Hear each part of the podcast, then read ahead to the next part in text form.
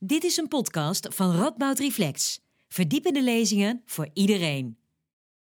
Goedemiddag, dames en heren. Welkom bij deze bijeenkomst over het anoniem beoordelen van studentenprestaties, georganiseerd door Radboud Reflex en het Radboud Teaching and Learning Center. Mijn naam is Marcel Becker, ik ben universitair hoofddocent praktische wijsbegeerte en ik zal deze bijeenkomst voorzitten. Een bijeenkomst met twee sprekers, maar voordat ik naar de sprekers ga, even iets over de achtergrond van deze zitting. De studenten in de medezeggenschap brachten het, nou al bijna een jaar geleden, in als voorstel. Toetsen anoniem beoordelen. Het college van bestuur besloot toen er zou een pilot komen. Een pilot op meerdere faculteiten. Die pilot vindt deze collegeperiode plaats en binnenkort ligt de evaluatie daarvan bij het college van bestuur. Misschien dat aan de evaluatie nog kan bijdragen een paar wijze woorden die vanmiddag hier worden gezegd. Voor die wijze woorden hebben wij twee sprekers in ons gezelschap. Professor Roel Schutgens, u bent vice-decaan onderwijs van de faculteit der rechtsgeleerdheid. En mevrouw professor Lia Fluit, u bent verbonden aan het Rabot UMC, daar betrokken bij de ontwikkeling van het nieuwe curriculum. En u bent aanjager onderzoek aan het Teaching and Learning Center van onze universiteit. Hoe gaan wij het de komende drie kwartier opbouwen? De sprekers beginnen beide met een statement van een drietal minuten. En over dat statement van die spreker gaan wij dan in gesprek. Ik zeg wij, want u meteen thuis kunt meedenken, meepraten, reageren op de stellingen die worden ingebracht en een vraag stellen aan ons. En stuurt u vragen en reacties via Mentimeter, menti.com. Logt u in met de code 985257666.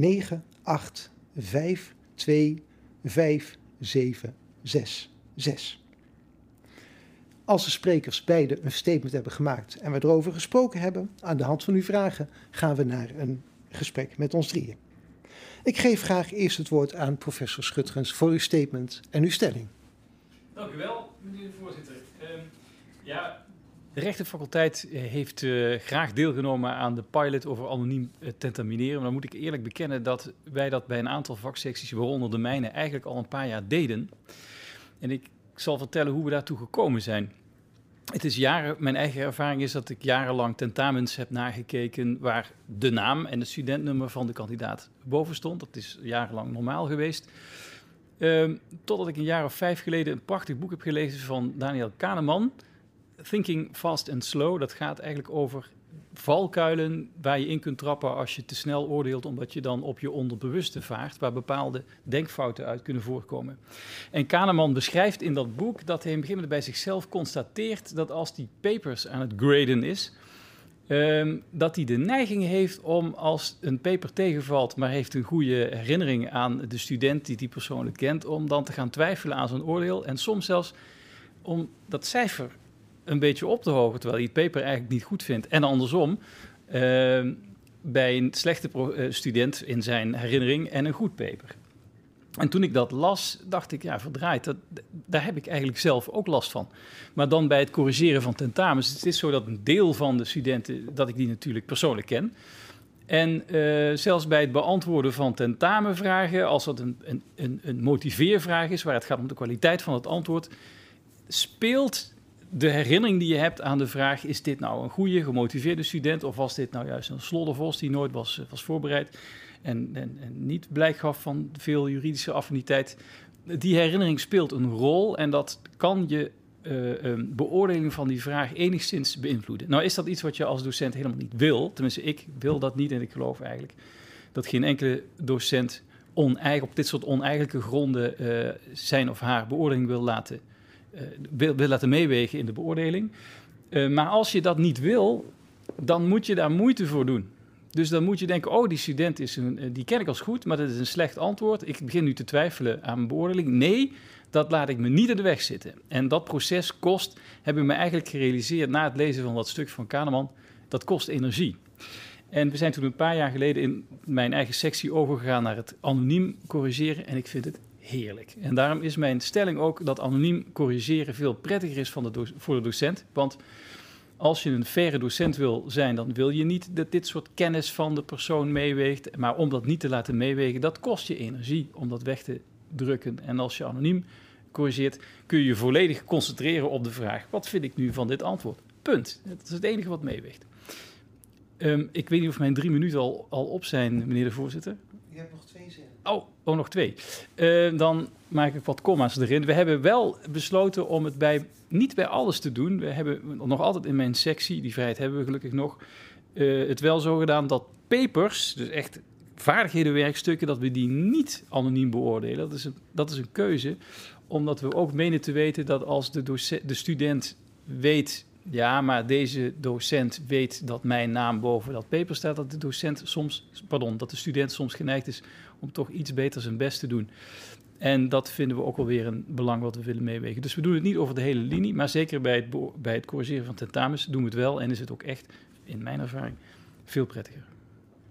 Dank u voor deze uitleg hoe toch een sociale wetenschapper de jurist tot zelfkennis uh, aanzet. Dank u daarvoor. Uh, vaak, en dat was ook een argument wat uh, studenten inbrachten, hoor je als argument voor anoniem beoordelen kansengelijkheid. Mm -hmm. Dat heb ik helemaal niet teruggehoord in uw uh, overwegingen. Um, dat is een argument dat uh, toen ik dat boek van Kahneman las, nog helemaal niet zo in de maatschappelijke discussie speelde als nu. Dat is heel erg snel gegaan. Ik zou zeggen dat zelfs als allerlei identiteitspolitieke overwegingen niet zouden spelen, dan nog is er een heel goed argument te maken dat anoniem corrigeren beter is, omdat de persoonlijke kennis van de student, los van groepsidentiteiten, maar als je iemand kent als ijverig of lui, of dat je denkt iemand zo te kennen, dat alleen dat al kan meewegen in je oordeel. Maar ja, er is inderdaad onderzoek waaruit blijkt dat ook bepaalde groepskenmerken een, een, zouden kunnen meespelen onbewust bij het oordeel van de docent. Ook daarvan denk ik dat docenten dat helemaal niet willen. Maar voor zover dat meespeelt, kost het ook energie om dat uit te schakelen. Dus dat is eigenlijk alleen maar een argument extra voor dat anoniem corrigeren. Ja, laat ik ondertussen de mensen thuis van harte uitnodigen om te reageren op de stelling die zojuist is ingebracht en om vragen te stellen via de Mentimeter. Um, en laat ik dan ook even gaan naar het tweede deel van uw betoog. Mm. Uh, dat is werkstukken die worden wel beoordeeld terwijl de docent de naam kent. En de redenering is dan, als je dat doet, dan dwing je op die manier studenten om extra hun best te doen. Nou had u het eerder over oneigenlijke argumenten, maar is dat niet een beetje een oneigenlijk argument? Je naam nee, is bekend bij de docent en daarom ga je vast wel je best doen? Wij menen te weten dat het echt zo werkt. Uh, ik zal toegeven dat we dat niet echt uh, wetenschappelijk onderzocht hebben. Uh, maar wij, menen te weten, wij begeleiden eerstejaars in groepjes. Dus als docent krijg je een groepje van 25 eerstejaars die je begeleidt bij het schrijven van de eerste paper. En wij menen te weten dat als, die, als je, die docent, dat je die met de studenten een zekere persoonlijke band opbouwt in een paar bijeenkomsten, dat ze dan iets beter hun best doen bij dat werkstuk. Um, en uh, wij willen onze studenten graag aanzetten om het beste uit zichzelf te halen. Dat vinden wij niet oneigenlijk. Ja, het klinkt instrumenteel, maar het leidt uiteindelijk wel echt tot het beste studieprestaat van die student. Dat is, dat is wat wij denken. Ja, ja. ja, Maar dan gebeurt het natuurlijk bij dat werkstuk, dat, omdat die naam erboven staat, dat u denkt, oh ja, dat is die Sloddervos. Die zijn opdrachten, die, die, die tijdens de colleges, tijdens de werkcolleges, zulke rare opmerkingen maakt. Ja. En ja, ik zie weliswaar dat dit allemaal keurig klopt, wat heeft opgeschreven. Maar nou, die student in mijn hoofd, ik ga hier geen 8, maar een 7,5 voor geven. Op die manier sluipt er toch een subjectieve factor in. Nee, want als ik dat uh, bewust denk, dan zeg ik vervolgens tegen mezelf: ja, dat moet ik niet doen. Want de vraag is hier wat ik van dit essay vind. Ja, nou dat is inderdaad. Doet u dat dus? In de, dus, dus u vindt inderdaad echt dat u dan dat essay toetst? Ja. En dat dat proces, hoe de student tot dat essay gekomen is, dat mhm. studieproces tijdens de werkcolleges, daarvan zegt u, dat telt niet mee. Ik kijk puur naar het resultaat van het essay.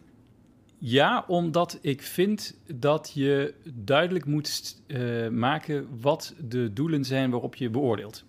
En het kan in algemene zin natuurlijk zo zijn dat je zegt je participatie in een werkgroep of in een practicum is een punt van beoordeling, maar dan moet je dat expliciteren en ook heel helder maken van nu geef ik je een cijfer voor je participatie. Maar bij dit, bij dit type werkstuk is het bij ons niet zo dat dat meeweegt. En dan mag je dat dus ook niet onbewust of expliciet, impliciet uh, meewegen als beoordelingsfactor. Dat vind ik eigenlijk niet helemaal eigenlijk. Dus je Nee. moet je echt als docent concentreren op de vraag: wat heb ik te beoordelen? En daar moet je toe beperken. Ja, en dan probeert u zo objectief mogelijk te Ja. zijn en dan steunt Kahneman u in het u zelf corrigeren. Dat, Ja, Kahneman zegt dat objectiviteit heel moeilijk te bereiken is. Zo al ooit. Nou, ik denk dat het wel kan als je erg je best doet, maar je moet er wel erg je best voor doen. En het kost minder energie als je dit gewoon anoniem doet. Dat is, zou mijn stelling zijn. Ik kijk even of er vanuit het thuisfront al een vraag, opmerking is gekomen op de stelling van u. Eh, nee, zo, nog nog niet. Eh, mensen voelen u vooral geroepen om te reageren op wat de heer Schutgens eh, zegt. We, gaan, we gaan naar mevrouw eh Lia Fluit. Naar u eh, drie minuten, die ook zullen uitmonden in een Ja. stelling. Ja, dank u wel. Wel, ehm, het toetsen en het beoordelen heeft in de ogen van studenten en docenten vaak de afrekenende, de certificerende, de selecterende rol. En daar is net ook al over gesproken. We noemen dit de summatieve functie van toetsen. Er hangt veel van af en het is belangrijk dat het objectief en goed gebeurt. Maar daarnaast zien we in het onderwijs ook eh, eh, steeds meer nadruk komt voor toetsing dat dat kan bijdragen aan de ontwikkeling en het leerproces van de student. Toetsen is dan niet meer het sluitstuk van het onderwijs, maar eh, is daar helemaal mee verweven. Het toetsen biedt dan een student rijke informatie die verder leren voedt en dat noemen we de formatieve functie. En hierin staat de dialoog en het maatwerk centraal. En met name deze formatieve vorm van toetsing staat haaks op eh, de vraag om waar mogelijk anoniem te beoordelen. Wat weten we nou uit onderzoek? Er is onderzoek dat inderdaad laat zien dat er bias is op basis van allerlei kenmerken van bepaalde groepen. Maar er zijn ook onderzoeken die dat eigenlijk helemaal niet zo duidelijk eh, aantonen. En in een grootschalig onderzoek in Engeland hebben ze, hebben ze op een gegeven moment anoniem toetsen ingevoerd. En toen zagen ze dat de gradings, de, de uitslagen van alle studenten eigenlijk ietsjes omhoog gingen. Maar dat de verschillen tussen bepaalde groepen, etnische mensen van eh, non-traditional students bijv- bijvoorbeeld en gender, nog steeds eh, verschilden van de andere groepen. Dus de verschillen werden niet eh, opgelost, alleen alles ging een stukje omhoog. Dus de bias was er eigenlijk nog steeds. En om het nog lastiger te maken, we hebben niet alleen bias doordat docenten worden beïnvloed door wie de student is, hè, of die eh, eh, aardig is of leuk eruit ziet, of dat hij slordig is of wat dan ook.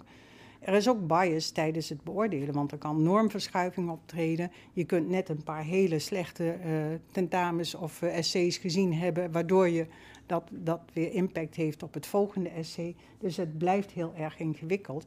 En we lossen dat nog steeds niet op met anoniem beoordelen. Maar dat wil niet zeggen dat ik de vraag om anoniem te toetsen niet serieus neem. Ik vind dat we dat wel degelijk moeten doen, en zowel van de student als de docent. Het is een serieuze vraag waar we echt wel op in moeten gaan. En, maar ik zou dan liever willen ingaan waarom er behoefte is aan anoniem toetsen. Want bias is er en ik ben de laatste die dat zal ontkennen. En deze studenten geven aan dat er wellicht dat ze ervaren dat er bias is, dat ze er hinder van hebben, of dat ze er in ieder geval angst voor hebben. Dus we willen daar ook echt serieus eh, werk van maken. En als het in ons on- onderwijs voorkomt, dan moeten we daar naar kijken. Maar dan wil ik liever bij de start van het onderwijs beginnen en niet bij het sluitstuk van het onderwijs. Want als er bias is in de toets, dan is die er ook in het onderwijs. En eh, daar waar de student juist met elkaar aan de slag gaan en een vertrouwensrelatie opbouwen.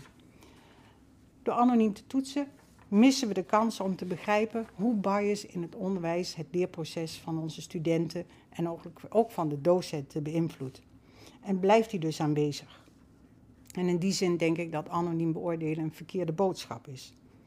En dat het daarmee is opgelost, maar dat is niet zo. Daarom is mijn stelling: anoniem toetsen is symptoombestrijding en niet een oplossing. Dank u voor deze stelling, die u ook thuis kan uitnodigen om op te reageren en vragen over eh, te stellen. Als ik dan zelf in die vraag Ja. het voortouw mag nemen. Een onderzoek dat geleerd heeft dat ook als er anoniem beoordeeld wordt, Ja. dat een bias in stand blijft. Ja. Hoe werkt dat dan? Nou, je zou je kunnen voorstellen dat die bias er ook al in het onderwijs is. Dat er, eh, we kennen bijvoorbeeld onderzoek waarbij eh, studenten die ingeschat worden als heel slim, of ook, en dat gebeurt ook al in, de, op, in het eh, basisonderwijs, die krijgen vaker de moeilijkere opdrachten. Die krijgen vaker de uitdagende uh, opdrachten, waardoor ze ook meer kansen krijgen om ook beter te worden dan de ander. Zo, dat zou een van de mechanismen kunnen zijn uh, hoe, dat, hoe dat kan werken. Um, er kunnen dus allerlei dingen waardoor studenten van bepaalde groepen op achterstand komen, kunnen al in het onderwijs uh, vaak heel onbewust ook hoor, uh, aanwezig zijn. En ja, doorwerken op, op leerprocessen. Ja, dus ook zaken die niet relevant zijn, kunnen toch gaan meespelen. Ook wanneer je de naam van de student niet kent of de achtergrond ja, van ja, de student. Dat, dat zou inderdaad. Dat zou dus inderdaad kunnen. En de bias is dus niet alleen in de toets, maar die begint er al vooraan in, voor in het onderwijsproces. Dus in die zin denk ik, kijk, anoniem toetsen, voor een deel doen we dat. Hè? Ik bedoel, er zijn multiple choice vragen, er zijn sleutels voor. Dat is anoniem toetsen. Dat is heel sec. En daar vinden we elkaar denk ik ook heel goed in. Hè? Als er goede sleutels zijn. Ik zou bijna willen zeggen, als de student ook zelf eigenlijk zijn, zijn cijfer zou kunnen bepalen, omdat er goede sleutels zijn om een cijfer te beoordelen, dan, ja, dan, dan zou dat een uh, uh, goede oplossing zijn. Um, wat we ook wel leren uit het onderzoek is dat, uh, en dat vond ik wel interessant, want uh, u zei van nou, het kost me zoveel moeite, maar op het moment dat ik uh, niet anoniem ga toetsen, dan zet ik het heel bewust aan dat ik, dat ik er echt heel erg op moet letten. Nou, er wordt ook wel aanbevolen in de onderzoeken over anoniem of niet anoniem toetsen, dat het trainen van docenten en het bewust maken van bias een heel goed effect kan hebben op het uh, verkleinen van, van die bias in het beoordelen van toetsen. Dus het trainen van docenten, het bewust worden, ik denk dat is al een heel mooi voorbeeld gegeven van uh, dat, u al, dat u dat al aangeeft, is heel goed. En het, het opstellen van rubrics, dus dat je dus ook veel beter kan aangeven van oké, okay, wanneer vinden we dit dan goed of wanneer vinden we dit onder de maat. Zodat je daarmee ook heel erg het beoordelingsproces helpt. Maar je zou toch kunnen zeggen, ja, maar in plaats van docenten te trainen, gaan we gewoon de, het vinkje anoniem beoordelen inschakelen. En dan kunnen we die training van docenten ook achterwege laten. Ja, maar daarmee lijkt het alsof het alleen maar over die toetsen gaat. Kijk, toetsen, um, er is een grote beweging in, in, in gang om toetsen veel meer op te vatten als onderdeel van het leerproces en niet het sluitstuk van het leerproces. Ook een summatieve toets geeft informatie voor de student. En uh, als de docent daarmee ook feedback kan geven, dan stimuleer je dus ook dat leerproces van die student. Dus ik zou veel meer nadruk willen vragen om te kijken, veel meer nadruk willen vragen voor laten we inzetten op toetsen die rijk zijn aan informatie en het leerproces van een student stimuleren. En als er bias is, bias is er, die is er in de hele samenleving, de kranten staan er eigenlijk vol van, dan moeten we leren om daarover te hebben hoe dat ons leerproces eigenlijk beïnvloedt. Dat, dat, dat zou denk ik een heel mooi onderzoek kunnen zijn. Dus ja. ik zou niet alleen willen kijken van werkt de pilot anoniem toetsen, maar ja welke mechanismen liggen daaronder en hoe dringt het in ons onderwijs uh, door? Ja. Nou, weet ik niet waar, welke faculteit meer studenten rondlopen aan de geneeskundefaculteit of aan de rechtenfaculteit, maar ik neem aan, allebei de faculteiten weet ik heel veel. Ja, we werken dus met jullie veel. ontkomen toch ook niet aan die hele massale schriftelijke tentamens, uh, heel massaal afgenomen, uh, zoals die bij rechten ook plaatsvinden. En, probeert, en eigenlijk hoor ik vanuit uw onderwijsvisie u zeggen, we moeten eigenlijk af van dat soort tentamens. Je kunt veel beter toe naar toetsvormen waar meer feedback aan studenten ook in zit. Um, het, het zakken of slagen af laten hangen van één tentamen, um, één groot tentamen aan het einde, is een, uh, ja, is een uitgangspunt waar, je wel, waar wel veel over te zeggen is of we dat zouden willen. Want als we kijken naar bijvoorbeeld het programmatisch toetsen, wat nu steeds meer wordt uh, geïntroduceerd in de opleidingen, dan gaat het erom dat je veel eigenlijk low stakes uh, um, toetsen, eigenlijk, uh, toetsmomenten, evaluatiemomenten verzamelt, waarmee je feedback geeft. En die tezamen, en dan kun je ook kijken van nou, welke high stakes hebben we nodig om ook werkelijk te garanderen dat mensen die afstuderen ook voldoen aan de eisen die we ook stellen. Ik bedoel, ik werk aan de medische faculteit, dus ook de samenleving, die vraagt ook wel dat als we een arts afleveren, dat hij ook inderdaad wel de dingen kan die je van een arts mag verwachten. Ja, gaan we even naar de juristen. Daar als een jurist afleveren, dan moet hij ook de dingen doen die de samenleving van een jurist Mm. verwacht. Eh, u krijgt van mevrouw Fluit niet alleen een visie op toetsing, Mm. maar u krijgt een visie op toetsing geïntegre- Integrale geïntegreerd in onderwijs. onderwijs. Ja. Wat vindt u van die visie? Ik ben het daar in het geheel niet mee oneens. Eh, alleen ik, eh, waar ik het wel mee oneens ben, is dat je ehm, het een zou moeten doen en het andere laten. Ehm,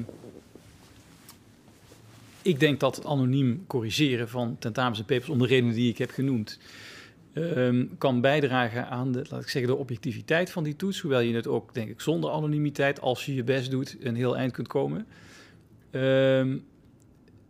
Dus, maar ik denk dus dat als, dit, als je deze makkelijke eh tool, nou een lelijk woord, maar als je dit makkelijke middel hebt om de objectiviteit van je beoordeling te vergroten, dan zie ik er heel weinig redenen om dat te laten. Maar dat wil niet zeggen dat ik vind eh, dat je daarmee tevreden moet, zou, zou moeten zijn of dat het het eindpunt is. Integendeel, ik ben het natuurlijk helemaal mee eens dat wij eh, onze opleidingen zo moeten verbeteren dat we zorgen dat we studenten zoveel mogelijk stimuleren om het beste uit zichzelf te halen. Ja. En dat kan inderdaad met meer feedbackmomenten, met eh, formatieve toetsing, zoals u dat noemt. En Ja. door, als, dat, als daar sprake van is, je als docent bewust te worden van vooroordelen. Ehm, maar je hoeft dat niet te laten als je, als je eh, anoniem corrigeert. Integendeel, ik zou zeggen, doe het allebei. Ja, maar goed, maar als we nou zeggen, iemand zegt eh, school en universiteit worden ook geacht persoonlijk vormen te zijn. Ja. Als dat een echt een uitgangspunt is in onderwijs, Mhm. ja, dan moeten we niet te veel naar anoniem toetsen toe. Want dan gaan de persoonlijke feedback op onderwijsprestaties, dat lukt dan niet. Ehm, dat, dat lijkt mij niet helemaal juist, omdat een, ehm, ook een anoniem tentamen dat eh, allerlei goed gemotiveerde antwoorden bevat, kan en ook een goed gemotiveerde reactie van de docent eh, opleveren. Nou, Als je moet reageren op wat is de kwaliteit van een schriftelijk stuk, kun je daar als docent of cor- correct ook goed op reageren zonder dat je weet of het eh, van student A of van student B is. Ehm, en natuurlijk is er los van dit soort heel sterk cognitieve aspecten van een opleiding, is er ook een wat iets meer op attitudevorming en persoonlijke eh, effectiviteit, communicatie gerichte vorming van de student. En dat zul je niet anoniem kunnen doen. Nee, we hebben bij rechten bijvoorbeeld de oefenrechtbank, waar studenten eh, feedback krijgen op de vraag hoe overtuigend en coherent ben je als je een pleidooi houdt in de oefenrechtbank. Daar, kunnen, daar gaan wij geen schermen ophangen en stemvervormers. Ja, en, de En dat zou ik ook niet aanraden. ja, en de samenleving wacht van rechters die goed kunnen functioneren in de rechtbank. En daar worden ze door u op, eh, op voorbereid. Eh, dan ga ik toch even dan, als we het inderdaad over bijvoorbeeld oefenrechtbank hebben. U gaf daar straks, ik noem het een instrumentele visie Hm? op het eh, met naam beoordelen van werkstukken. Mhm. Want dan deed de student meer zijn best. Hm? Ja, dan gaan we even naar mevrouw. Wat vindt u van die visie op het beoordelen van werkstukken? Ja, ik, ik, ehm, het, ik, ik ben benieuwd of dat. eh, ja, je wil zelf ook Ik iets vind zeggen. dat niet instrumenteel. Ja. Ik- nou, laat ik zeggen, dat zijn, het zijn mijn woorden, maar goed, inderdaad even. Maar, Maar wat vindt u van die visie? Of, ja. Nou, het, het is natuurlijk altijd heel mooi als studenten hun best doen om eh, eh, eh, het beste uit zichzelf te halen. En ehm, het, het past wel in, in, het, in de gedachte dat de student en de docent een relatie opbouwen. Waarbij je het beste uit de ander wil halen. Mhm. Ehm, of de student dat echt doet om ja, in een goed blaadje te komen bij de docent. Dat zouden we nog eens moeten, moeten onderzoeken. Ik kan me wel voorstellen als je een goede relatie opbouwt met, eh, met de docent en de student. Waarin je de student ook vertrouwen geeft van, eh, in het eigen kunnen.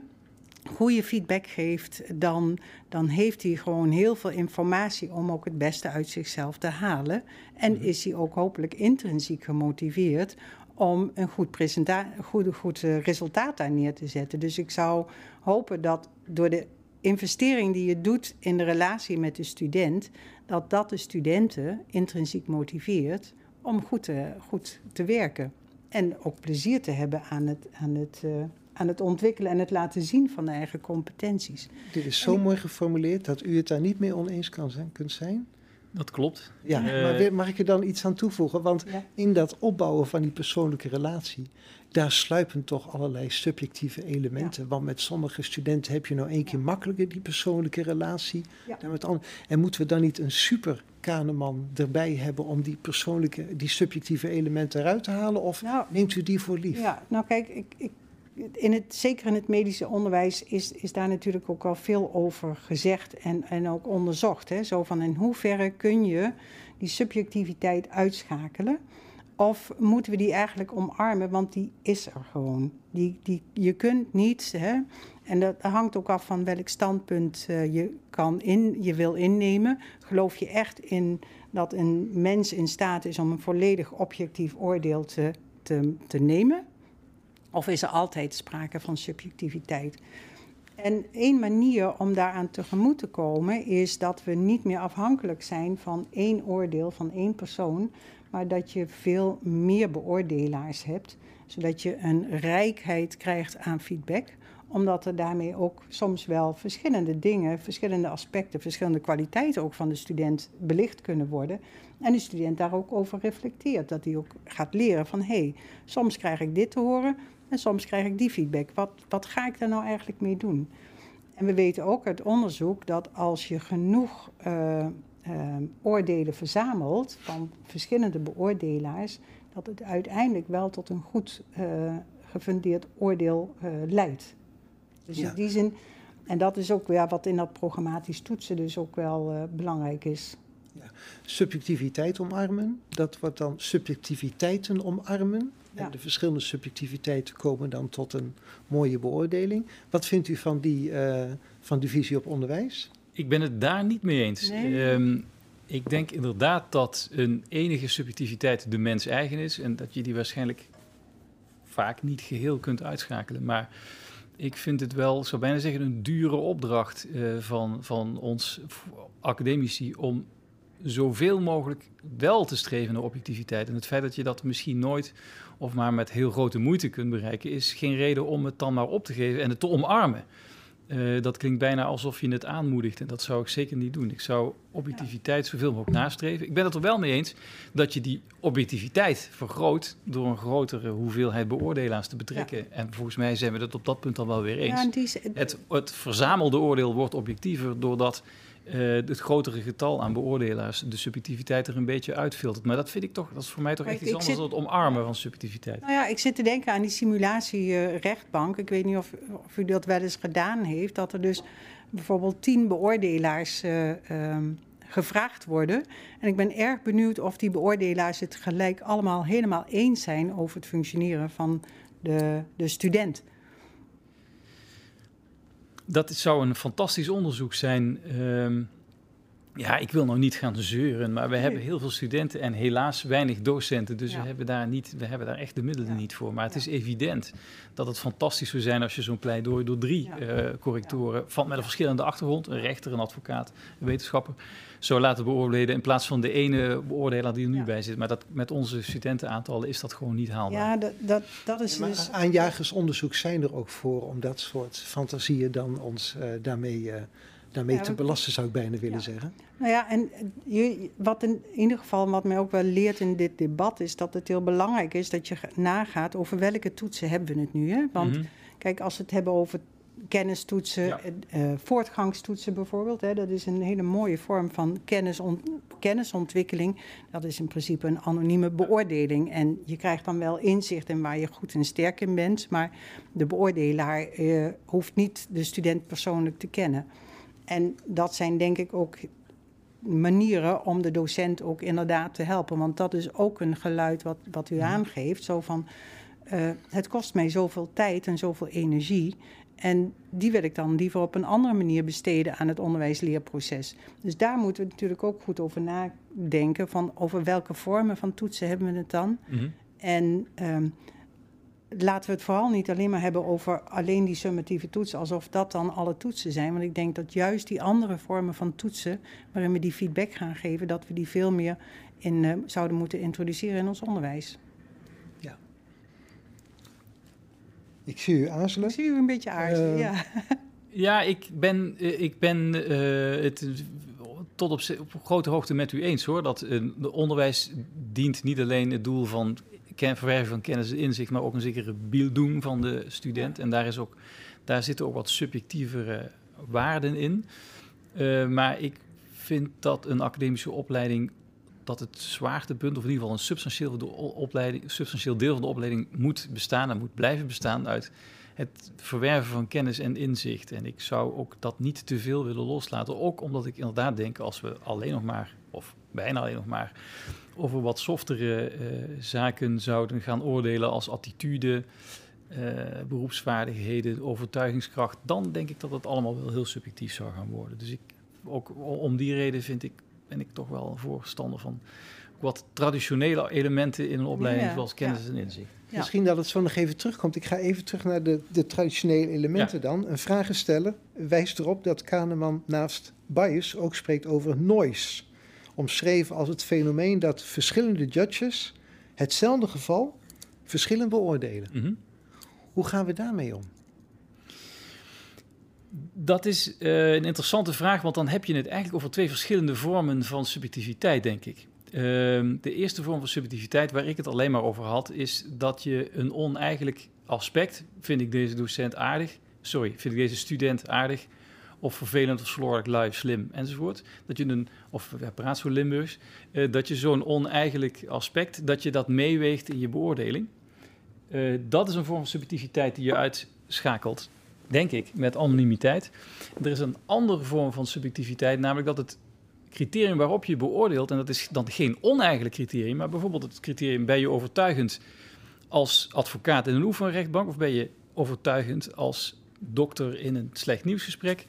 Uh, of ben je geruststellend of breng je je uitspraak als rechter overtuigend? Dat zijn dan toets je op een criterium dat op zich niet oneigenlijk is, maar dat criterium is vaag.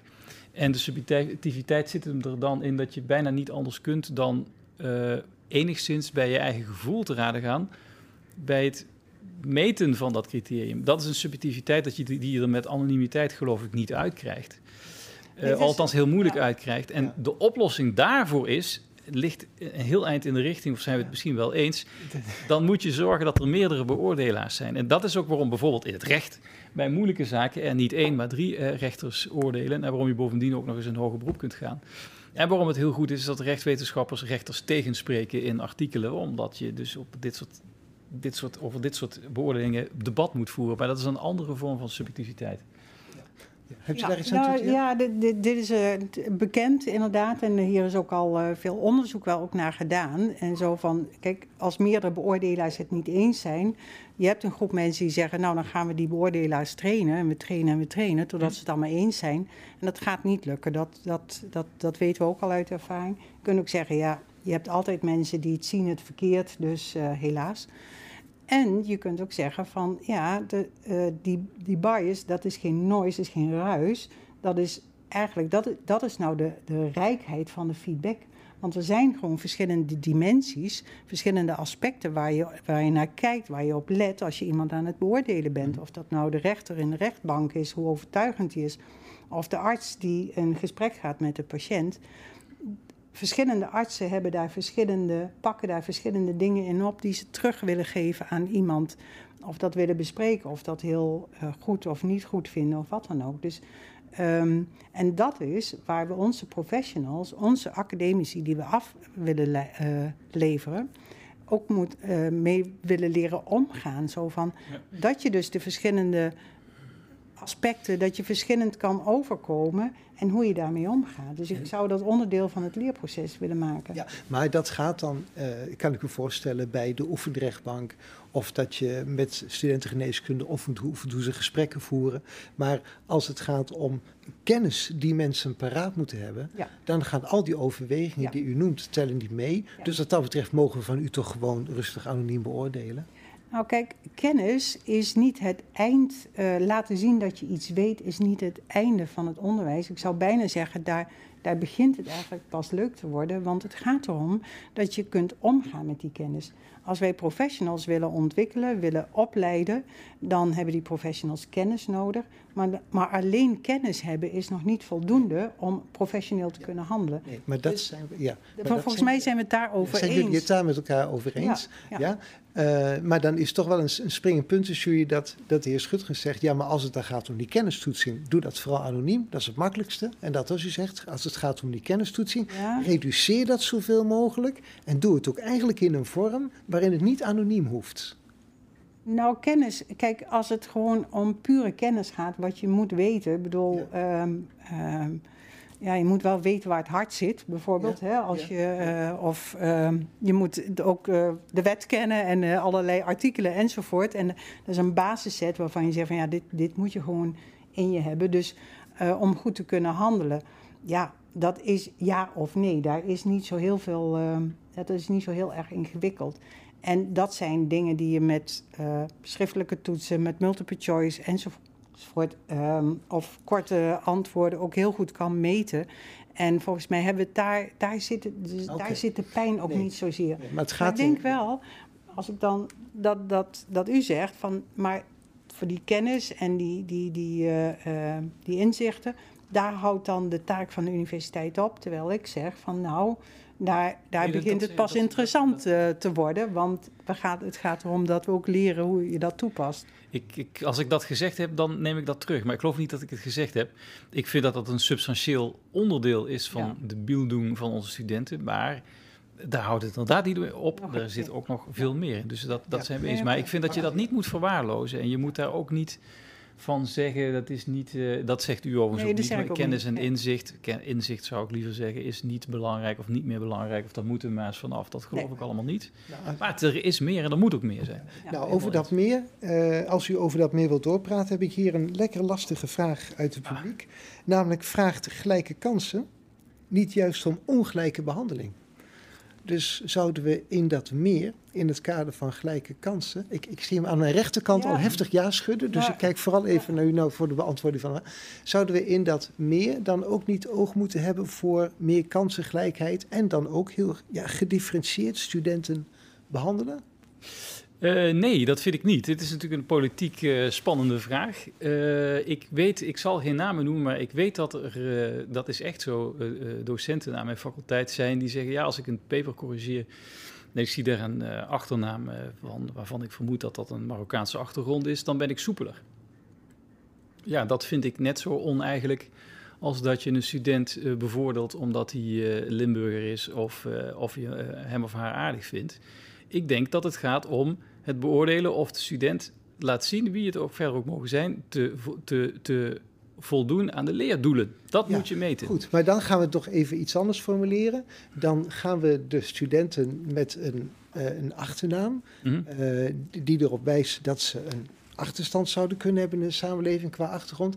Dan gaan we daar net iets meer energie in investeren in het onderwijs. Dat is ook een vorm van ongelijk behandelen. Om ze wel gelijkelijk aan de eindstreep. Ja, als u dat bedoelt, maar dan hebben we dat, dan, dat zou ik eigenlijk. Ongelijk behandelen is iets, iets anders dan ongelijk beoordelen. Laten we zeggen dat het einddoel moet zijn dat je laat zien dat je aan de, aan de leerdoelen voldoet. En als we daarin zouden differentiëren als academische opleiding, bewijzen we niemand een dienst, onszelf niet en de studenten ook niet. Want dan wordt binnen de kortste keren bekend, oh ja, maar als het iemand is met een bepaalde achternaam, dan is dat diploma eigenlijk minder waard. Maar ook voor de zwakkeren. Voorkomen. Ja, maar ook voor de zwakkeren en die extra ondersteunen, dat is... Uh... Dat je studenten met, uh, met bepaalde achtergronden extra helpt, lijkt mij een heel goed idee. Ik weet overigens niet of dat per se uh, één op één gekoppeld is tot, tot bijvoorbeeld uh, migratieachtergronden of zoiets dergelijks. Ik denk dat zelfs dat dat helemaal niet zo is. Uh, er zijn allerlei redenen waarom mensen heel voordeel kunnen hebben of achterstand. Uh, en ik denk dat het goed is als wij zoveel mogelijk investeren in mensen met achterstand, omdat wij moeten zorgen dat studenten het beste uit zichzelf kunnen halen.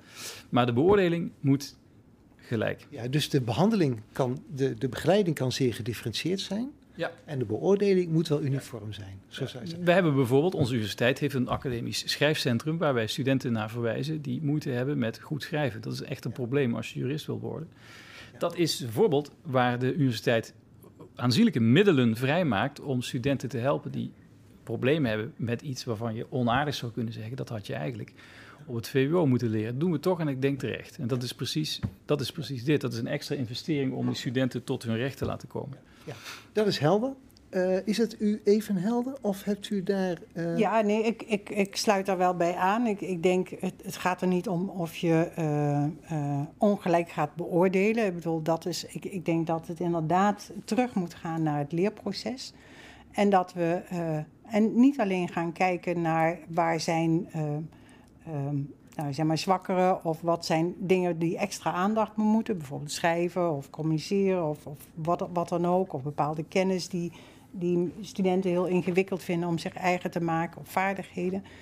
Ik wil er ook voor pleiten dat we juist ook de talenten die studenten hebben, dat we die ook uh, zeg maar uitvergroten. En in die zin dat het niet alleen gaat om van waar gaan we bijspijkeren, maar waar gaan we ook studenten gewoon hun talenten die ze hebben ook extra ontwikkelen. Dus ook ruimte geven voor echt die persoonlijke um, invulling van hun, van hun leerprogramma. Dat zou heel mooi zijn. Dat, dat zou heel mooi zijn, maar tegelijkertijd accepteert u dan toch een behoorlijke slok subjectiviteit. Want wat ik mooie talenten in die student vind, dat hoeft een andere docent die een jaar later diezelfde cursus geeft, helemaal niet zo mooie talenten vinden in die studenten. Dus ook hier, nou omhelst u de, omhelst u de subjectiviteit. Ja, maar dat heb ik al de hele tijd gedaan. Dus ja. Oké, maar, maar dat, dat accepteert u? als, uh, als neveneffect van het ontwikkelen en ontplooien van talenten. Die subjectiviteit heeft dus een heel, heel um, nare smaak op deze manier. Hè? En, en in die zin denk ik van, waar we het over hadden, is dat er als er feedback wordt gegeven aan studenten en die verschilt, hè, de ene docent geeft deze feedback en de andere. Het kan natuurlijk zijn dat een één docent die zegt van nou, ik vind dit heel erg mooi en de ander zegt van nou, ik vind dit eigenlijk uh, minder. Dan moet je daar, die student moet daarover in debat gaan. Die moet, die moet, weer de, moet kunnen begrijpen van hé, hey, hoe zit dat nou? En dat is, ja, dan kun je zeggen dat is subjectief, dat is uh, allemaal niet zo betrouwbaar. Nee, het zijn twee oordelen waar een student echt zijn voordeel mee kan doen. Ja. Ja, ik vind het wel van belang, omdat het woord subjectiviteit heel snel valt. En het lijkt wel de discussie in een soort kramp te zitten, ofwel anoniem, objectief, oftewel niet anoniem. Oh jee, subjectiviteit. Ik hoor u praten over student-docent interactie op een hele genuanceerde manier. Jammer dat u het woord subjectiviteit nodig hebt, maar u laat er een hele mooie dingen zien. Zouden we niet dat woord subjectiviteit wat moeten vervangen door woorden die meer recht doen aan die rijke interactie die er tussen student en docent kan zijn. Ga ik even aan professor Schutgers vragen. Bent u allergisch voor het woord subjectiviteit of hoe ligt het gebruik van dat begrip bij u? Of ik allergisch ben voor... Nee, nou ik ben nee. Er zijn mensen die zijn allergisch voor het woord subjectiviteit, omdat ze dan meteen menen dat, er, dat het hele, allemaal hele verkeerde dingen insluipen, terwijl ik hier dus hele genuanceerde dingen hoor in verband uh, gebracht. ik denk dat uh, subjectiviteit of een neiging daartoe eigen is aan uh, de condition humaine en dat het heel belangrijk is om je daarvan bewust te zijn, omdat het soms, zo niet vaak, in bepaalde professionele relaties een probleem kan zijn, omdat je objectief moet zijn. Overigens is het ook vaak juist heel fijn dat mensen verschillend zijn en verschillende smaken en vriendschappen en liefdes hebben. Dus het is eh, ook leuk dat we zo zijn. Maar je moet je daarvan bewust zijn, en zeker in een professionele context. Dus ik ben daar niet allergisch voor. Ik vind het heel goed dat we het bespreken. Ja. En zoals iedere rechter toch op weer een net iets andere manier een zitting mhm. leidt. Zo vindt u het ook prima dat iedere docent net weer op een iets andere manier het beste in studenten bovenhaalt? Want dat is wat ik mevrouw de heer Fluit hoor duidelijk horen. Nou ja, als we het hebben over de ontwikkeling van de wat, wat softere kanten van de academicus, de persoonlijke vaardigheden, attitude, dan vind ik dat, dan ben ik het met mijn collega helemaal eens dat uh, een zekere variëteit in het uh, docentenkorps uh, helpt en studenten kan helpen bij een rijkere ontwikkeling. Ik denk overigens ook dat de praktijk gebaat is met heel veel verschillende soorten dokters en ook rechters.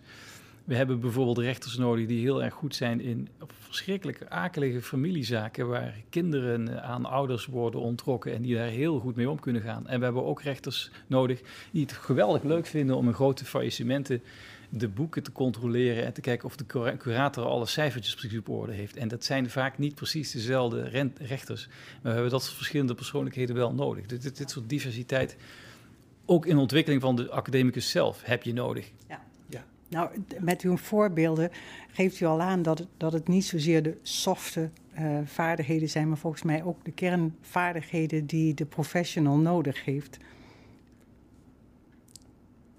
Zeker als het om complex. Dus het, het, het, ja, softe, softe competenties en zo. Hè. Dus, dus ik, ik zou zeggen van ja, dat zijn dus ook uh, de competenties in het hele pakket, palet die we nodig Welk hebben. gebruikt u liever? Um, Beroepsvaardigheden. Um, noem het uh, algemene competenties, die wat, wat de, je hebt de beroepsspecifieke competenties of inhoudelijke competenties, algemene competenties. De softe, dan denk ik, oh, oh ja, dat is eh, leuk kunnen praten of Mhm. eh, gezellig en dat soort dingen. Maar het zijn vaak wel de essentiële dingen die we nodig hebben. Ook voor een, een, een jurist die in dergelijke complexe zaken en familiezaken goed zijn werk moet doen. Die moet ontzettend goed kunnen communiceren en verstaan en onderhandelen. Mhm. En dat is een core eh, competentie volgens mij. Eens. Als we nog een kwartier verder gaan, bent u het helemaal met u eens. Ja. Dat zou toch eigenlijk zonde zijn. Dus daarom gaan we bijna ophouden. We hebben tijd voor nog één laatste vraag die ik u beiden zou willen voorleggen. Dat is eh, iemand die zegt, als je anoniem beoordeelt, zal de schrijfstijl van iemand ook subjectief, heb je het woord weer, beïnvloeden. Klopt dat? Nou, ik, Anoniem beoordelen, blijft die schrijfstijl? Dat klopt. Maar ik heb heel erg veel geleerd van de vorige vraagsteller die een onderscheid maakte tussen bias en noise. Want dit is noise, maar geen bias, denk ik. Eh, dus het, is een, eh, het staat los van de persoon van de student. Als je het anonimiseert. Het is wel zo dat de schrijfstijl dat die meeweegt, zeker als je wat we bij, nu bij vaak hebben, dat, we niet, dat het geen zuivere kennisvragen zijn, maar dat de vraag is, motiveer nu op een overtuigende wijze standpunt A of B. Ehm, en daar zit iets in van hoe overtuigend het is, is het. En dat is weer een wat subjectief criterium. En daar, maar daar is dan hoogste sprake van noise. Ik zou daarvan zeggen, de schrijfstijl mag daar ook meewegen. Alleen je moet dat wel expliciteren, zodat studenten weten... kijk, ik word ook beoordeeld op de vraag... ben ik overtuigend in de wijze waarop ik het opschrijf? En daar kan ik dan ook aan werken als dat geëxpliciteerd wordt. Want iemand die het goed kan opschrijven, beheerst dat waarschijnlijk ook. Natuurlijk. En iemand beter. die het helemaal niet goed opschrijft... Die, eh, die slaat geen deuk in een pakje boter in de rechtspraktijk. Helder antwoord, dank u. Mevrouw Fluit, hebt u daar nog iets aan toe te voegen?